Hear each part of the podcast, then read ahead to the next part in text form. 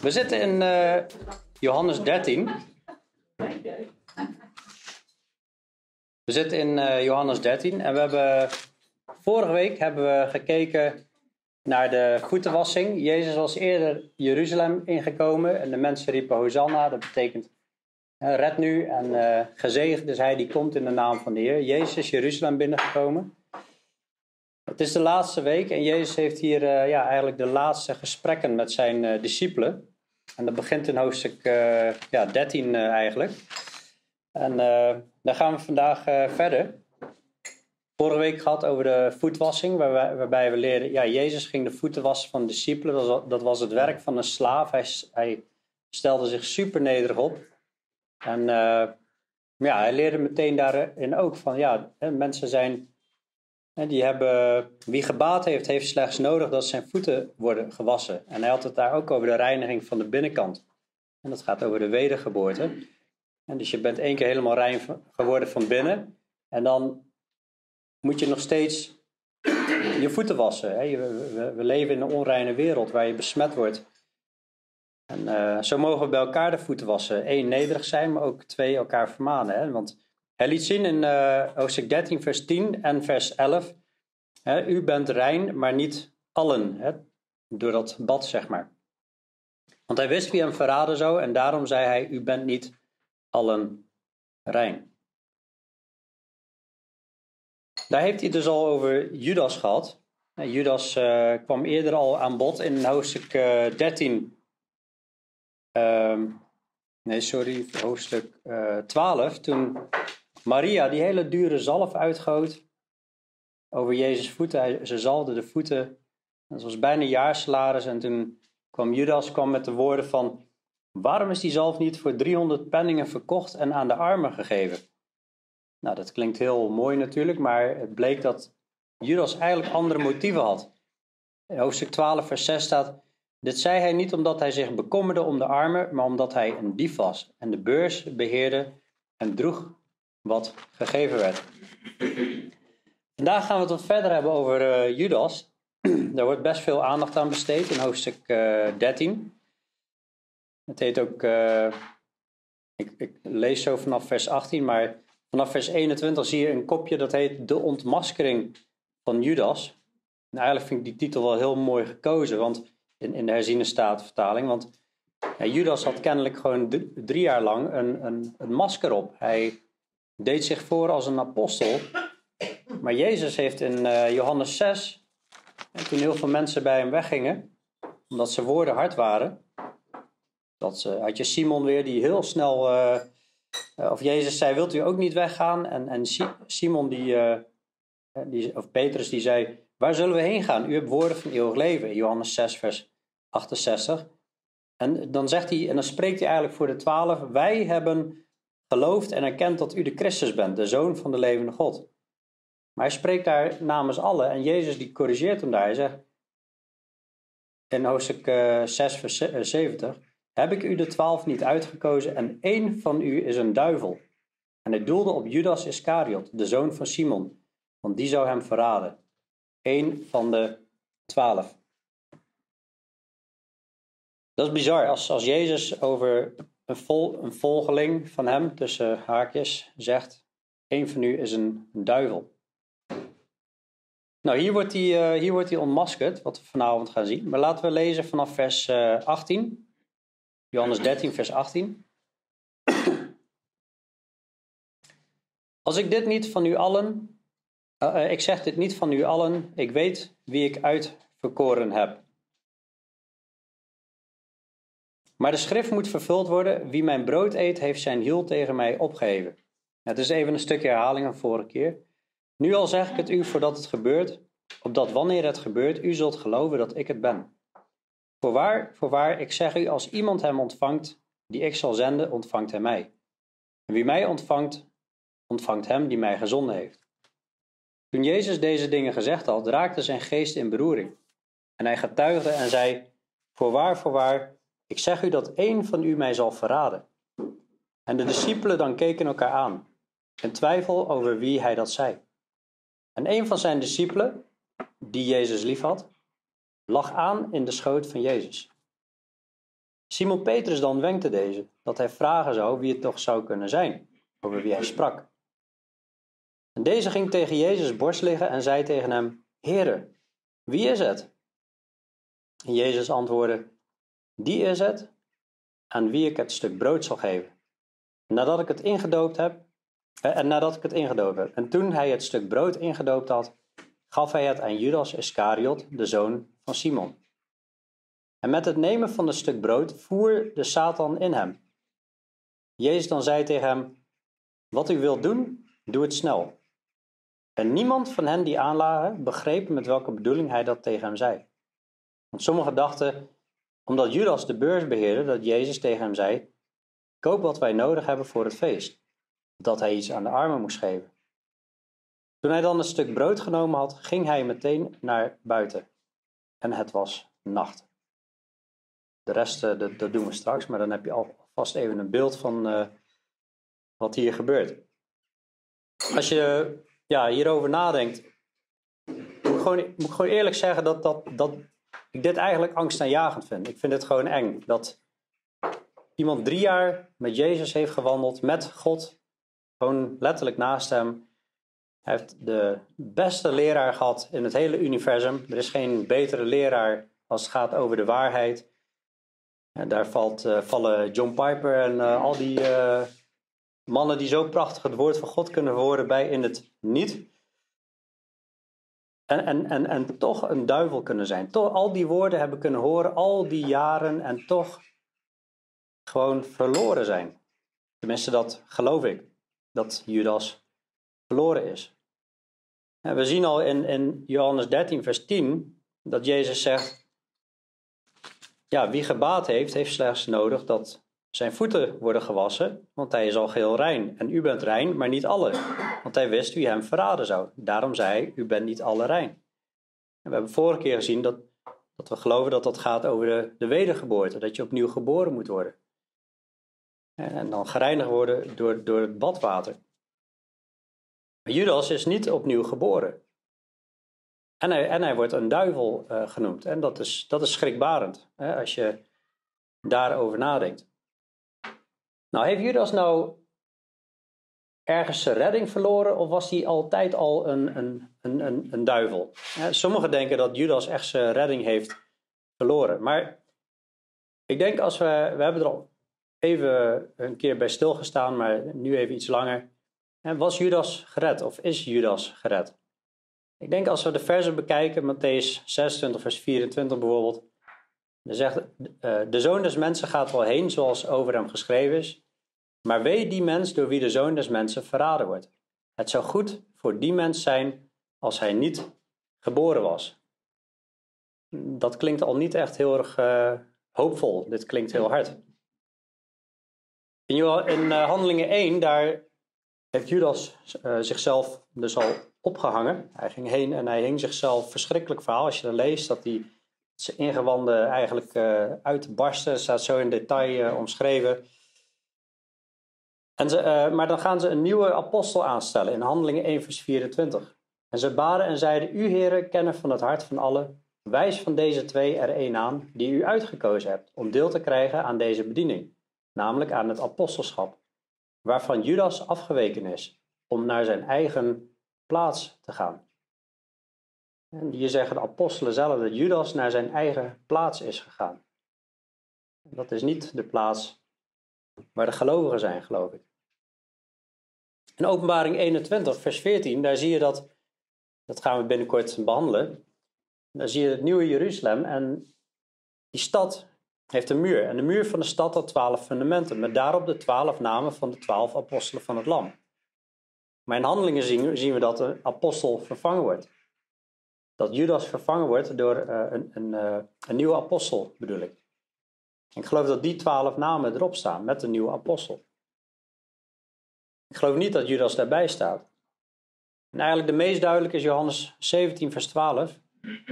Toen ik met hen in de wereld was, zegt Jezus, Jezus bidt tot de Vader, bewaarde ik hen in uw naam. Hen die u mij gegeven hebt, heb ik bewaard. En niemand uit hen is verloren gegaan dan de zoon van het verderf, opdat de schrift vervuld wordt. En dus Eén ding weten we, Judas is in ieder geval niet naar de hemel gegaan. Hè? Maar is hij op een bepaald moment zijn redding verloren? Nou, ik, ik, ik geloof het niet. Um, sommigen geloven dat hij misschien toch tot geloof is gekomen op basis van uh, in Matthäus 26, heeft, heeft hij wel, uh, die tekst heb ik niet bij, maar daar toont hij wel berouw. En hij uh, wil geld teruggeven eigenlijk aan de leiders van het volk. Hij voor 30 zilverstukken heeft hij Jezus verraden. Maar dan willen ze dat geld niet. Hij zegt dan, ik, ik heb gezondigd. En daar had hij berouw over. Maar goed, had hij dan berouw omdat hij het gewoon erg vond dat hij Jezus verraden had? Of had hij echt berouw tot een diepe bekering? En er staat ook niet dat hij berouw had dat hij een, een dief was, bijvoorbeeld.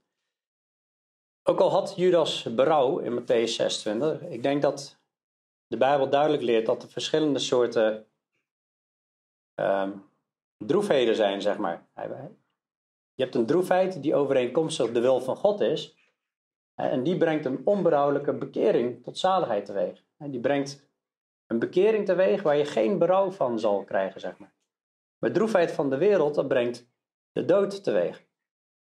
De wereld is droef over heel veel dingen, ook als het misgaat. Ook als ze gezondigd hebben en ze zien de consequenties. Daar kunnen ze heel droevig over zijn, maar misschien omdat ze daardoor geld hebben verloren. Of we zien ook een droefheid in, in openbaring 18 hebben we gezien. Hoe, hoe mensen bedroefd zijn over de Babylon wat valt. Maar dat is een andere droefheid. En de droefheid die overeenkomstig de wil van God is, wat je eigenlijk bij een Petrus ziet, die ook Jezus drie keer verlogent. En die brengt bij hem een onberouwelijke bekering tot zaligheid teweeg.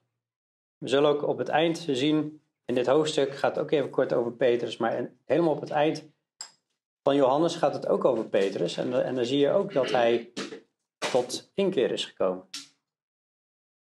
Ik geloof persoonlijk dat, dat, dat Judas nooit opnieuw geboren is geweest. Die, die aanwijzing zien we, dat Jezus dat, dat, dat aangeeft.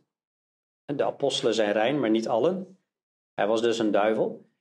En ik geloof dat eigenlijk door het hele Johannes-evangelie, is misschien wel meteen goed om weer eens even een, recap, even een samenvatting te hebben van de gedeeltes die Jezus geleerd heeft, wat juist ging over het eeuwig leven.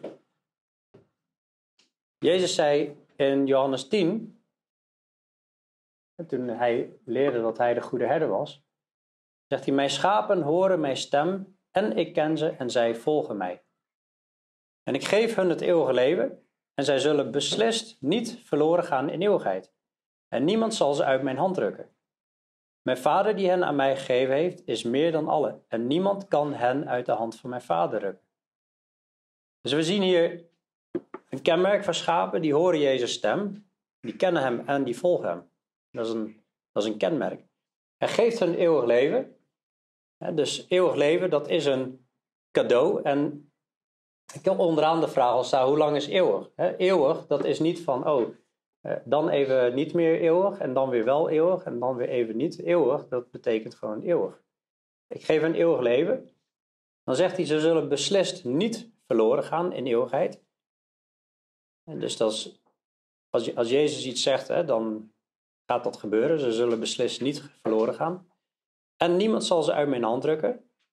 En ook niet uit de hand van de Vader. En we zien ook dat we een geschenk zijn van de Vader aan Jezus. Mijn Vader, die hen aan mij gegeven heeft, is meer dan alle. Niemand kan hen uit de hand van mijn Vader drukken. Nou, is er een uitzondering op niemand? Sommigen zeggen, ja, maar je kunt zelf wel uit de hand lopen. Nou ja, er staat gewoon niemand. Niemand zal ze uit mijn hand rukken. Er staat ook niet dat je dan zelf eruit zult kunnen lopen. Er zijn nog meer teksten, ook in Johannes 6, wat uiteindelijk eindigt in de woorden die de mensen hard vinden. Dan zegt Jezus, ik ben uit de hemel neergedaald, niet opdat ik mijn wil zou doen, maar de wil van hem die mij gezonden heeft. En dit is de wil van de Vader die mij gezonden heeft, dat ik van alles wat hij mij gegeven heeft, niets verloren laat gaan, maar doe opstaan op de laatste dag. Dus Jezus doet de wil van de Vader, niet opdat ik mijn wil zou doen, maar de wil van hem die mij gezonden heeft. Wat is die wil?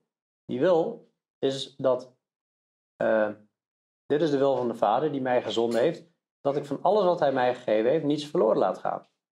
Het is de wil van de Vader dat niets verloren gaat. En het is Jezus' taak om daar zorg voor te dragen. Dus dit is Jezus' werk. Als je zegt, ik, iemand die opnieuw geboren is, die kan verloren gaan, dan zeg je eigenlijk dat Jezus zijn werk niet goed doet. Maar ik doe het opstaan op de laatste dag.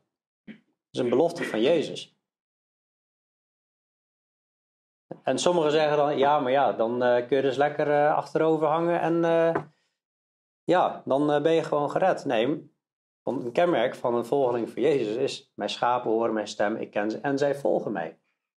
En die brengen juist vrucht voort. Dat is wat Jezus ook bewerkt. Jezus breekt die mensen eigenlijk, hè, zodat ze vrucht gaan voortbrengen. En de vader die snoeit ze, zullen we in Johannes 15 zien, zodat ze meer vrucht voortbrengen. Vers 4, dit is de wil van hem die mij gezonden heeft, dat ieder die de zoon ziet en in hem gelooft, eeuwig leven heeft. En ik zal hem doen opstaan op de laatste dag. En eigenlijk in Johannes 5, Johannes 6, we zien het continu. Het is continu herhaald dat Jezus ze ging bewaren. Jezus is God en doet wat hij beloofd heeft. Ook Petrus heeft het er uh, op een gegeven moment over in zijn brief. Geprezen zij de God en Vader van onze Heer Jezus Christus, die ons overeenkomstig zijn grote barmhartigheid opnieuw geboren deed worden tot een levende hoop, door de opstanding van Jezus Christus uit de doden, tot een onvergankelijke, iets wat niet vergaat, tot een onbevlekte en onverwelkbare, het verwelkt niet, erfenis, die in de hemelen bewaard wordt voor u. Dus we zijn opnieuw geboren tot een levende hoop door de opstanding van Jezus Christus uit de doden, tot een onvergankelijke, onbevlekte en onverwelkbare erfenis die in de hemelen bewaard wordt voor u.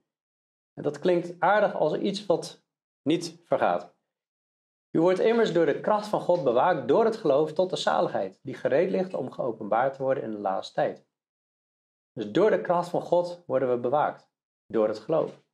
Dus het is Gods kracht die ons bewaakt. En hij schenkt ook dat geloof. We zijn gered uit genade door geloof. En niet uit werken zodat niemand zal roemen. Het is, het is een gave van God. dus er zijn heel veel bemoedigingen voor christenen om te beseffen van als je weet dat je opnieuw geboren bent, een eerste Johannesbrief kun je ook lezen, een soort checklist van ben ik opnieuw geboren? dan Johannes schrijft in de eerste Johannesbrief deze dingen, zodat je weet dat je eeuwig leven hebt. Dus bestudeer die brief goed. Ook Paulus die schrijft over die dingen. Hij zegt op een gegeven moment, en dat gaat over mensen die de geest van God in zich hebben, in Romeinen 8. Maar als iemand de geest van God niet heeft, die behoort God, die hoort, behoort niet bij God. En dan zegt hij voor deze mensen: Ik ben ervan overtuigd dat nog dood, nog leven, nog engelen, nog overheden, nog krachten, nog tegenwoordige, nog toekomstige dingen, nog hoogte, nog diepte, nog enig ander schepsel ons zal kunnen scheiden van de liefde van God in Christus Jezus onze Heer. En dus wat zou ons kunnen scheiden? Nee, maar goed, in, in principe geeft hier gewoon aan hè, dat niets zou kunnen scheiden. Niets zou kunnen scheiden. Nog enig ander schepsel. En dus hij maakt hier een opzomming dat er eigenlijk niks is wat ons kan scheiden. En dat zien we ook uit die andere teksten. Wat we wel zien in 1 Johannes 2, in de, in de eerste Johannesbrief, is dat er mensen uit ons midden weggegaan zijn. Ze zijn uit ons midden weggegaan ze zijn uit ons midden weggegaan, maar zij waren niet uit ons. Want als zij uit ons geweest waren, dan zouden zij bij ons gebleven zijn. Maar het moest openbaar worden dat zij niet allen uit ons zijn. Dus er zijn ook mensen die niet uit ons zijn, die niet uit de kinderen van God zijn, die niet opnieuw geboren zijn. En die, die zullen afhaken. Paulus heeft ook over mensen die schipbreuk hebben geleden in het, uh, schipbreuk hebben geleden in, in het geloof. We zien in de gelijkenis van de zaaier, er zijn vier verschillende gronden van het hart, maar één die draagt vrucht. Die ander die wordt verstikt, die ander die verdort en bij de andere wordt het meteen weggeroofd. Maar alleen de kinderen van God die opnieuw geboren zijn, dragen vrucht, geloof ik. We zullen andere keer nog wel uitgebreider uh, erover hebben, maar ergens denk ik van, ja, het is heel mooi om te kijken naar Judas en te denken van, uh, ja, maar ja, goed, Judas. Uh, ja, die was, die was dan toch niet kind van God. Dus ja, die heeft het gewoon, die heeft gewoon verpest. En tegelijkertijd, hij liep altijd bij Jezus en hij beheerde het geld, zeg maar. En daar staat hij was een dief. In, in Johannes uh, eh, 12 hebben we dat net gelezen. toen, bij, uh, toen Maria die voeten zalde, toen wilde hij het aan de armen verkopen, maar met, hij zei dat met een verkeerd motief, omdat hij een, een dief was. Maar ergens denk ik van ja, maar hoe gaan wij eigenlijk om met wat, met wat Jezus ons geeft? En los, los even van het hele verhaal. De, de, de, discipelen die keken ook naar Judas alsof het gewoon een kind van God was. Alsof het gewoon uh, een ware volgeling was. Judas die beheerde wel de centen, zeg maar, van uh, ja, de club, van de apostelen. Maar ik geloof niet dat je per se uh, penningmeester hoeft te zijn om, om, om dit verhaal toepasbaar te maken op jou, zeg maar. Maar Judas was, was een dief, maar hoe, hoe gaan wij eigenlijk om met dat wat God ons gegeven heeft? Dat is ook wel een belangrijke les die we hieruit kunnen leren, geloof ik. En Jezus geeft ons van alles. Hij geeft ons sowieso een lichaam. Wat doen wij met ons lichaam? Hij geeft ons energie. Wat doen wij met de energie? Hij geeft ons uh, financiën. Hij geeft ons inkomsten. Wat doen wij met onze inkomsten? Wat doen wij met wat God ons gegeven heeft? Want ik moest ook aan, aan, aan dit denken: van dat in het Oude Testament wordt op een gegeven moment ook gezegd in Malachi Drie, dat de mensen God beroven. En Judas was ook een dief. Hij beroofde eigenlijk dat wat geschonken was aan God. In Malachi 3 vers 6 staat, ik de Heere ben niet veranderd. U kinderen van Jacob bent daarom niet omgekomen. Sinds de dagen van uw vaderen bent u afgeweken van mijn verordeningen. En u hebt ze niet in acht genomen. Keer terug naar mij, en ik zal naar u terugkeren, zegt de Heere van de legermacht. Maar u zegt, in welk opzicht moeten wij terugkeren? Zou een mens God beroven? Werkelijk, u berooft mij. En dit is een soort van gesprek tussen God en Israël in dit uh, stukje over Malachi. En dan zegt u, waarvan beroven wij u? En dan zegt hij, van de tienden en het hefoffer. U bent door de vloek getroffen omdat u mij berooft, als volk in zijn geheel. Breng al de tienden naar het voorraadhuis, zodat er voedsel in mijn huis is. En beproef mij toch hierin, zegt de Heer van de legermachten, of ik niet de vensters van de hemel voor u zal openen en zegen over u zal uitgieten, zodat er geen schuren genoeg zullen zijn. Dan zie je dus dat, dat de Heer dingen gevraagd had van het volk, zodat de, uh, de priesters en de levieten konden leven van de inkomsten van het volk, zeg maar. En ze, ze stoppen daarmee. Ze stoppen daarmee om dat te doen. En dan zegt God dat de mensen niet de levieten beroven, nee, maar dat ze God beroven. Ze beroven God. En dan worden ze door de vloek worden ze eigenlijk getroffen. Terwijl God wil hun juist zegenen. Zie je eigenlijk in 2 Korinthe 8 en 9 ook dat God een zegen wil geven. Wie karig zaait, zal karig uh, oogsten. Hè? Ja, ja, maaien. Ik zat te denken, oogsten of maaien. Ja. ja. Maar wie zegenrijk zaait, zal zeker zegenrijk uh, oogsten. Nou goed, hier kun je natuurlijk in dit soort stukken helemaal in doorslaan. Hè? Om de, elke week hierop hameren, zoals de welvaartsevangelist. Daar heb ik het niet over. Maar we moeten tegelijkertijd niet vergeten dat die dingen wel in de Bijbel staan. En dat de eerste christenen verkochten al hun bezit en deelden alles onder elkaar. Zodat niemand tekort had. Ze brachten het aan de voeten van de apostelen. En zo werd het evangelie werd weer verspreid, zodat er arbeiders uitgezonden konden worden in de oogst. Een groot probleem van Judas was is dat hij de wereld lief had. Als je zo tussen de regels doorleest. Maar in Johannes 2 vers 15 zegt, heb de wereld niet lief. En ook niet wat in de wereld is. Als iemand de wereld lief heeft, is de liefde van de Vader niet in hem. Want al wat in de wereld is, de begeerte van het vlees, de begeerte van de ogen en de hoogmoed van het leven, is niet uit de Vader, maar is uit de wereld. En de wereld gaat voorbij met haar begeerte, maar wie de wil van God doet, blijft tot een eeuwigheid. Ja, zondag in openbaring 18 hebben we het heel duidelijk gezien. En de wereld gaat voorbij, hoe alles in gaat storten. Maar als je de wereld lief hebt, je hebt de wereld niet lief en ook niet wat in de wereld is. Als iemand de wereld lief heeft, is de liefde van de Vader niet in hem. Liefde voor de wereld is zelfs vijandschap met God, zegt Jacobus in Jacobus 4. Het is echt een, het is echt een valstrik. Judas is gevallen. Judas is gevallen voor die strik. En toen die vrucht volbracht was, hè, had Jezus verraden voor 30 zilverstukken, werd hij helemaal ellendig. En dat is de vrucht van Satan. En wat ook bizar is, is in Johannes 13, vers 2. En dan zie je dat toen de maaltijd plaatsvond en de duivel Judas Iscariot, de zoon van Simon, al in het hart gegeven had hem te verraden. Dan zie je dat het klinkt alsof Satan hier een, een idee, een idee in het hart van Judas had geplant. De duivel had Judas Iscariot, zoon van Simon, al in het hart gegeven hem te verraden. Het begint met een idee en dan zie je eigenlijk in vers 27, wanneer hij eigenlijk ja, ten volle dat uit gaat voeren, met het nemen van een stuk brood voerde Satan in hem. En Jezus zei tegen hem, wat u wilt doen, doe het snel. Hoeveel mensen zouden in de gaten hebben wanneer ze eerst met een idee bezig zijn om te zondigen, dat dat misschien een idee is wat Satan inplant? En op het moment dat ze het gaan uitvoeren, dat de Satan in ze voert. Zou hij dat in de gaten hebben gehad? Satan doet bijna alles, alles undercover. Bijna alles. Misleidende leringen, eh, mensen misleiden. Het is heel bizar om dat te zien. Maar goed, laten we even vers 18 eh, kijken. Ik zeg dit niet van u allen, ik weet wie ik uitverkoren heb. Jezus heeft over, wel vaker over de uitverkiezing. In, diezelfde 1 Petrus 1 waar we net keken, daar zie je ook dat we uitverkoren zijn overeenkomstig de voorkennis van God.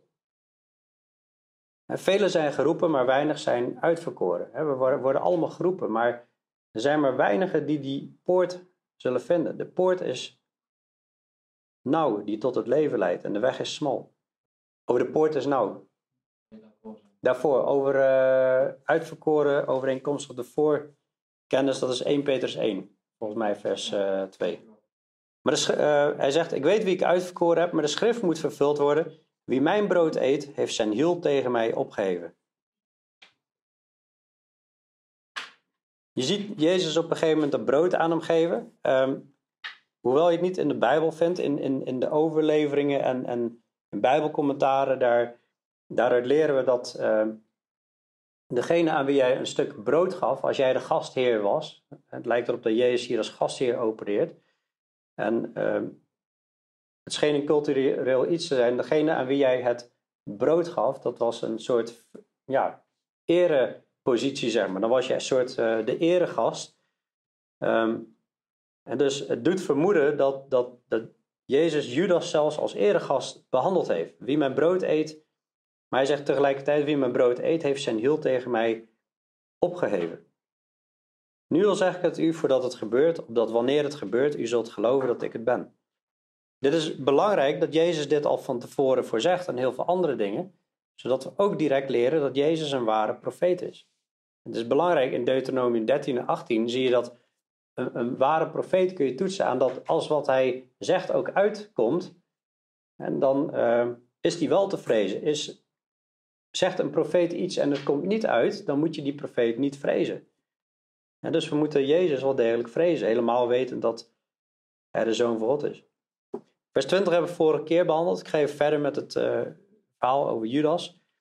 Toen Jezus deze dingen gezegd had, raakte zijn geest in beroering en hij getuigde en zei: Voorwaar, voorwaar, ik zeg u dat een van u mij zal verraden. Ik vind het bijzonder om te zien dat zijn geest in beroering raakt. Er staat niet bij of het uit boosheid is of uh, uit bewogenheid. Maar ja, we weten dat, dat God de wereld lief heeft. En ik geloof dat God Judas ook lief heeft gehad. En dat het misschien ook heeft meegespeeld. En als het klopt hè, dat, dat brood geven aan, aan iemand betekent dat dat is de eregast, dan heeft hij eigenlijk ja, Judas nog een speciaal eerbetoon willen geven, misschien uit bewogenheid, om, om, om hem nog eens een keer zijn liefde te tonen. Maar ik zeg u dat een van u mij zal verraden. En de discipelen dan keken elkaar aan in twijfel over wie hij dat zei. En een van zijn discipelen, die Jezus liefhad, lag aan in de schoot van Jezus. Simon Petrus dan wenkte deze dat hij vragen zou wie het toch zou kunnen zijn over wie hij sprak. Deze ging tegen Jezus borst liggen en zei tegen hem: Heere, wie is het? Er staat niet bij wie dat is. Als je dat bekijkt in de Griekse grondtekst. Een van zijn discipelen die Jezus lief had. Bedoel, bedoelen ze nou, die persoon heeft Jezus lief of Jezus heeft die persoon lief? Maar in de grondtekst betekent het dat Jezus deze persoon lief heeft, zeg maar. En dit wordt een keer of vier herhaald. En waarschijnlijk bedoelt Johannes zichzelf ermee.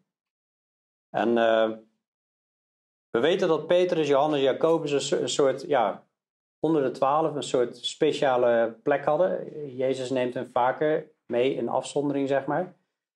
ook, dat zie je ook bij de verheerlijking op de berg. Maar kennelijk heeft, heeft Johannes een, een speciale plek. En ik, ik, ik geloof dat dat is om. Mogelijk is dat, dat omdat hij gewoon de Heer Jezus heel erg lief heeft. Jullie zijn mijn vrienden als je doet wat ik je gebied. Dat hij gewoon echt in de weg van de Heer wandelde, volkomen. Je ziet ook echt, de schrift is natuurlijk door God ingegeven en toch zie je een karakter er doorheen dat Johannes met een heel warm hart spreekt over de Heer Jezus. En vanaf nu zien we ook in de rest van de hoofdstukken een keer of veertig wordt over de liefde gesproken. Hij lag aan in de schoot van Jezus. En de mensen zijn, de, de apostelen, de discipelen zijn in twijfel van. En ze keken elkaar aan in twijfel over wie hij dat zei in vers 22. Wie zou Jezus nou toch verraden? Wie, wie, wie kan dat nou doen? En Simon Petrus wenkte deze. Simon is altijd de regelaar van: hey, uh, Johannes, je zit nou in zijn schoot. Uh, vraag eens even. Dat hij vragen zou wie het toch zou kunnen zijn over wie hij sprak. Alsof hij het niet gewoon zo had kunnen vragen, maar ja, dat is misschien een beetje beschamend. En deze ging tegen Jezus borst liggen en zei tegen hem: Heere, wie is het? Ik denk dat, ja, in, los van de vraag wie is het, wij weten nu wie het is, dat de belangrijkste vraag is: ja, ben, ik het? Heere, ben, ik, ik ben het toch niet? Dus, ik denk dat we allemaal ons die vraag zouden moeten kunnen stellen: van Heere, ben ik in staat om u te verraden? Ik hoop het toch niet. Bescherm mij daarvoor. En door de Bijbel heen zie je continu die waarschuwing van blijf in de Heer, zodat je niet wegvalt. En aan de andere kant zie je de bemoediging voor hun die echt opnieuw geboren zijn, zoals die verse die je net zat van je kunt niet verloren gaan. En dat vind ik zo mooi. Maar hier wordt de vraag gesteld, Heere, wie is het? En Jezus antwoordde, die is het aan wie ik het stuk brood zal geven nadat ik het ingedoopt heb. En toen hij het stuk brood ingedoopt had, gaf hij het aan Judas Iscariot, de zoon van Simon. Dus vanaf nu weet eigenlijk iedereen, zou iedereen moeten weten hè, van, uh, dat hij het is. En met het nemen van het stuk brood voerde Satan in hem en Jezus zei tegen hem, wat u wilt doen, doe het snel. En niemand van hen die aanlagen begreep met welke bedoeling hij dat tegen hem zei. Want sommigen dachten omdat Judas de beurs beheerde dat Jezus tegen hem zei: Koop wat we nodig hebben voor het feest, of dat hij iets aan de armen moest geven. Toen hij dan het stuk brood genomen had, ging hij meteen naar buiten en het was nacht. Het is eigenlijk wel bizar, Jezus zegt het: Wie ik dit brood geef, die zal mij verraden en dan lezen we in vers 30 dat hij heel bewust weet, hij wist al waar, waar hij mee bezig was, met welk plan. En heel bewust gaat hij door om te zondigen tegen de zoon van de levende God. Hij ging naar buiten en het was nacht. Het is een heel kort zinnetje, en het was nacht. Ik denk niet, ja. Kan toevallig zijn dat het even een mededeling is, dit gebeurt in de, in de nacht. Maar ik denk tegelijkertijd in het leven van Judas is het, is, het, is, het is duisternis. Hij is, hij is een dief, hij verraadt de zoon van God. Maar het is, ook een, het is ook een donkere nacht, want dit is de voorbereiding op Jezus sterven. Jezus heeft de discipelen lief en tegelijkertijd hangt er natuurlijk een soort wolk omheen.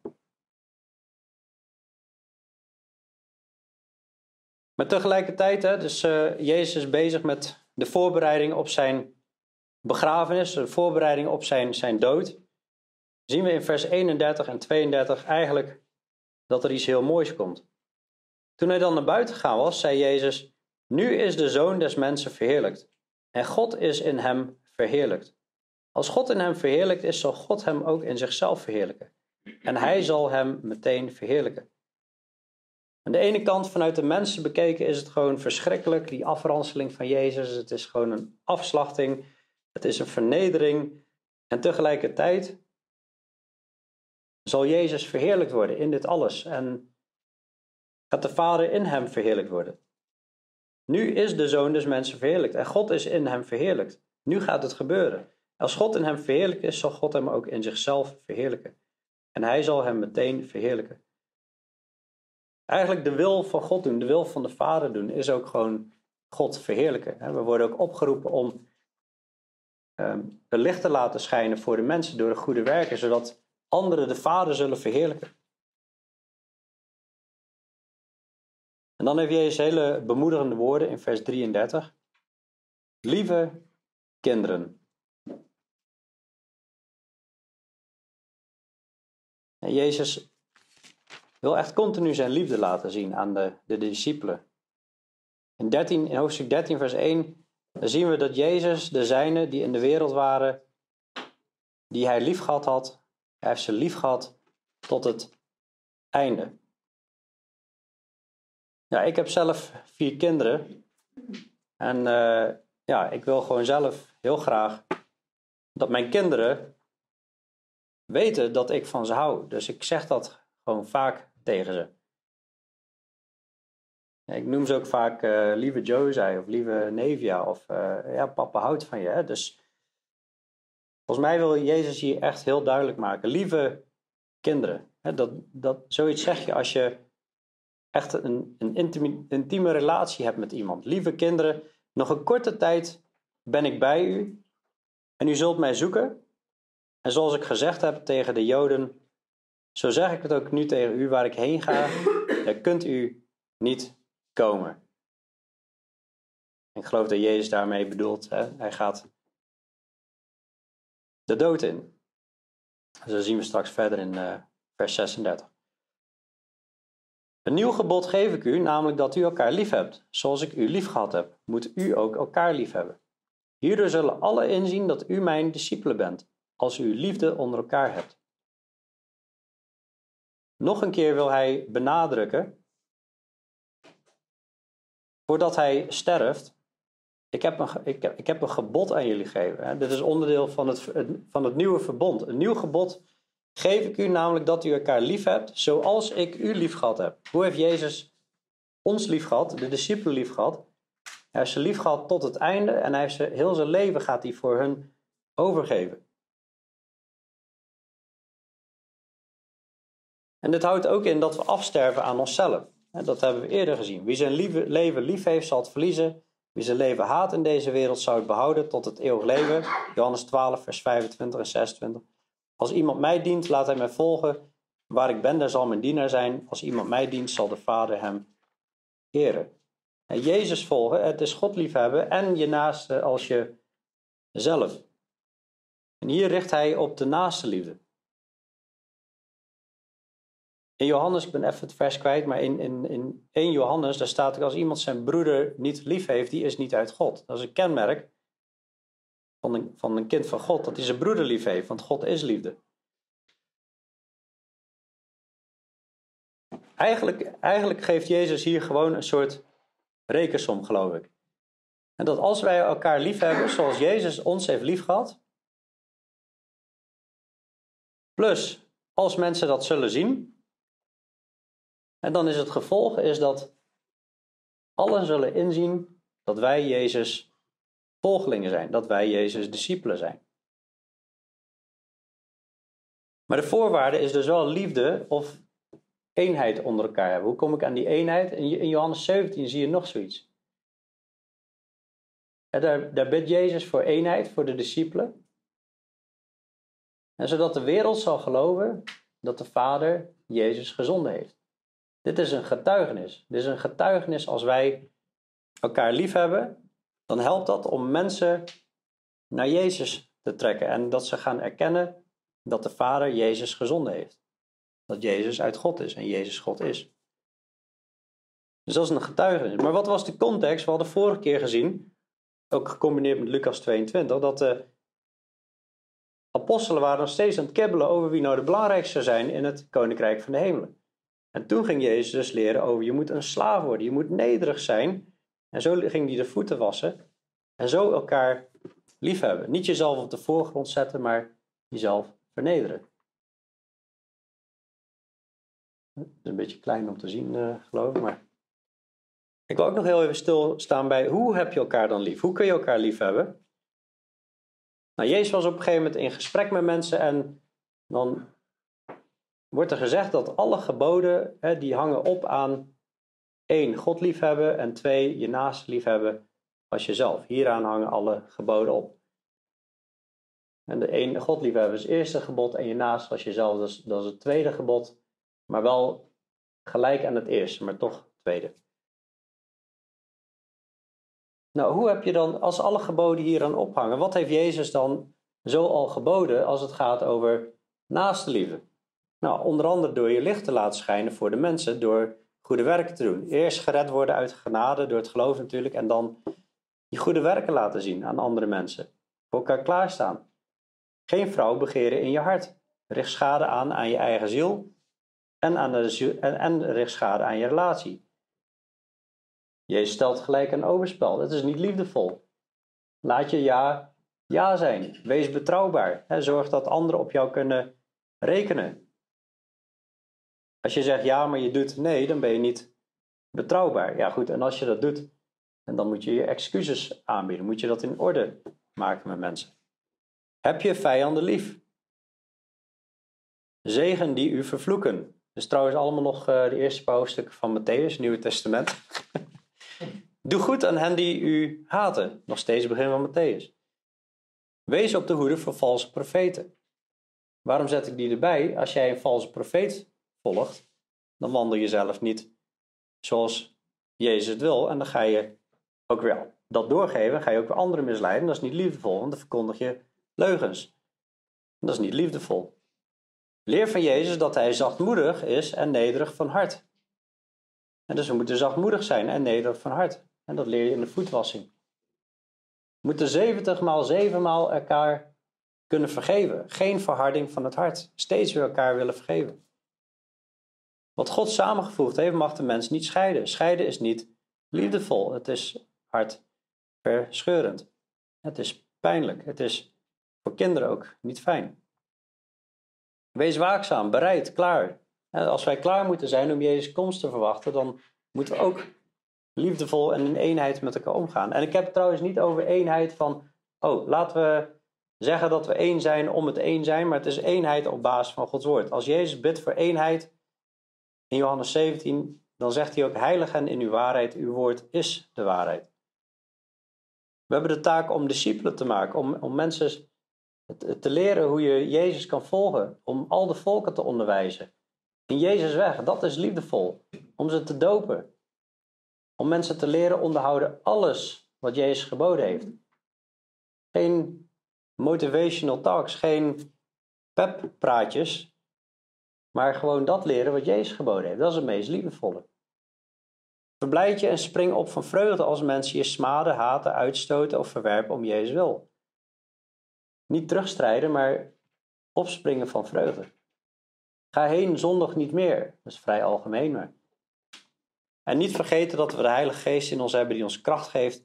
En Jezus die voor ons pleit in, onze, in al onze zwakheden. En dat is heel mooi, want dan gaat hoofdstuk 14 en hoofdstuk 16 komt dat heel sterk terug over het werk van de Heilige Geest.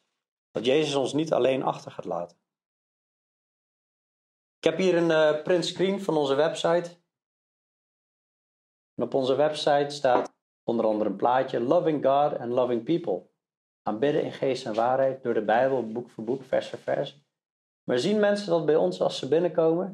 Zouden ze bij ons zien van, wauw, die mensen die, die hebben zo'n liefde voor elkaar. Dit zijn, dit zijn echt, echt volgelingen van Jezus. Zouden ze dat bij Huis van God zien? Ik ben benieuwd.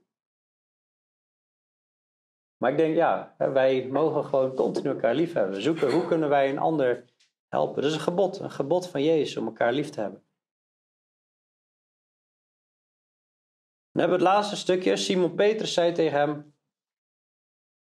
En ik vind het wel bijzonder. Heren, waar gaat u heen? Jezus antwoordde hem: Waar ik heen ga, kunt u mij niet volgen. Maar u zult mij laten volgen. Het is best bizar dat Jezus als laatste heeft gehad over de liefde. Maar Petrus eigenlijk daar overheen stapt en het over iets anders heeft. Het kan natuurlijk hè, dat we even terugkomen op iets wat eerder gezegd is, maar het belangrijkste is de liefde. En Petrus heeft nog een belangrijke les te leren.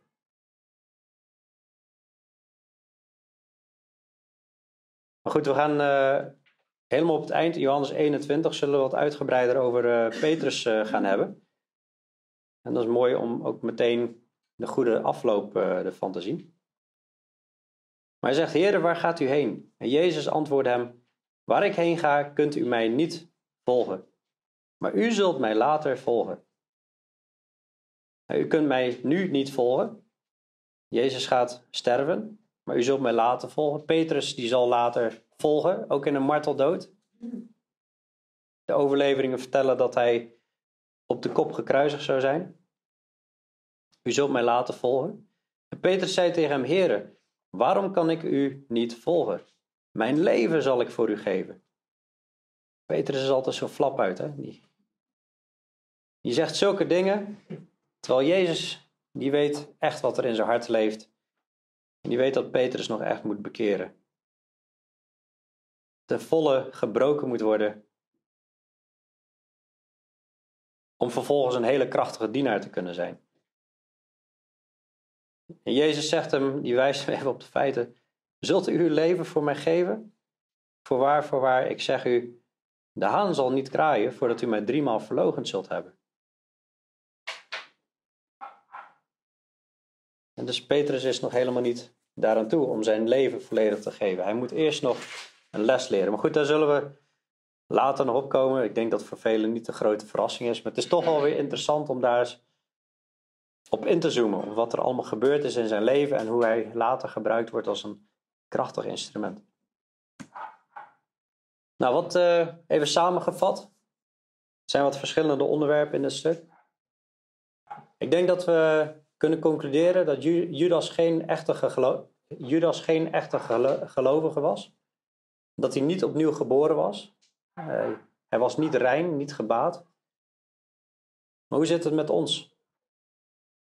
En als iemand drie jaar met Jezus kan leven, toen hij hier op aarde was, dan is het ook mogelijk, terwijl hij bij de beste leraar was, die bijbeltrouw was, en dat je zelfs in een bijbeltrouwe gemeente, is het mogelijk dat je niet bij God hoort. En dus ben je opnieuw geboren? Heb je je leven al helemaal gegeven aan Jezus? Heb je de Heilige Geest ontvangen? Ben je al gedoopt? En als je kind van God bent, dan zien we bemoedigingen in de Johannes-evangelie en dat Jezus je dan ook bewaart tot de opstanding. We hebben het gehad over hoe, hoe beheren wij dat wat God geeft. Judas had het geld van God in beheer. Maar wat, hoe, hoe beheren wij hetgeen wat God geeft? Alles wat op onze rekening staat, is wat God ons in beheer heeft gegeven. Alles wat God ons geeft. Energie, tijd, ons lichaam. En hebben we elkaar lief? Hoe is ons huwelijk? Hoe is de gemeente? Zijn er mensen die zich niet geliefd voelen? En als er ergens struggles of problemen zijn, dan is het goed om gewoon ja, ook, ook gebed daarvoor te vragen. Om gewoon iemand apart te nemen. Mij of uh, een keer of iemand anders. Als je vrouw bent, misschien met een vrouw. Om daar samen voor te bidden. Of, of misschien is er iets te, te beleiden, om dat ook te beleiden. En horen we de boodschap? Horen we echt de boodschap? Judas heeft de boodschap niet gehoord. Het is aan hem voorbij gegaan. Maar Simon Peter die lijkt soms ook heel snel te denken en te reageren en niet op alles in te gaan wat Jezus zegt. Jezus heeft het hier over de liefde en Petrus begint weer over, ja, hoe zit dat nou met uh, waar je niet heen gaat en zo. Het belangrijkste is de liefde. Ze waren aan het kibbelen met elkaar wie het belangrijkste was. Jezus heeft de voeten gewassen, alle, al die dingen laten zien en zegt, jongens, jullie moeten liefdevol met elkaar omgaan. En dat is de grote boodschap, geloof ik. Dus ja, dat is weer uh, genoeg om mee uh, aan de slag te komen voor mij. Uh.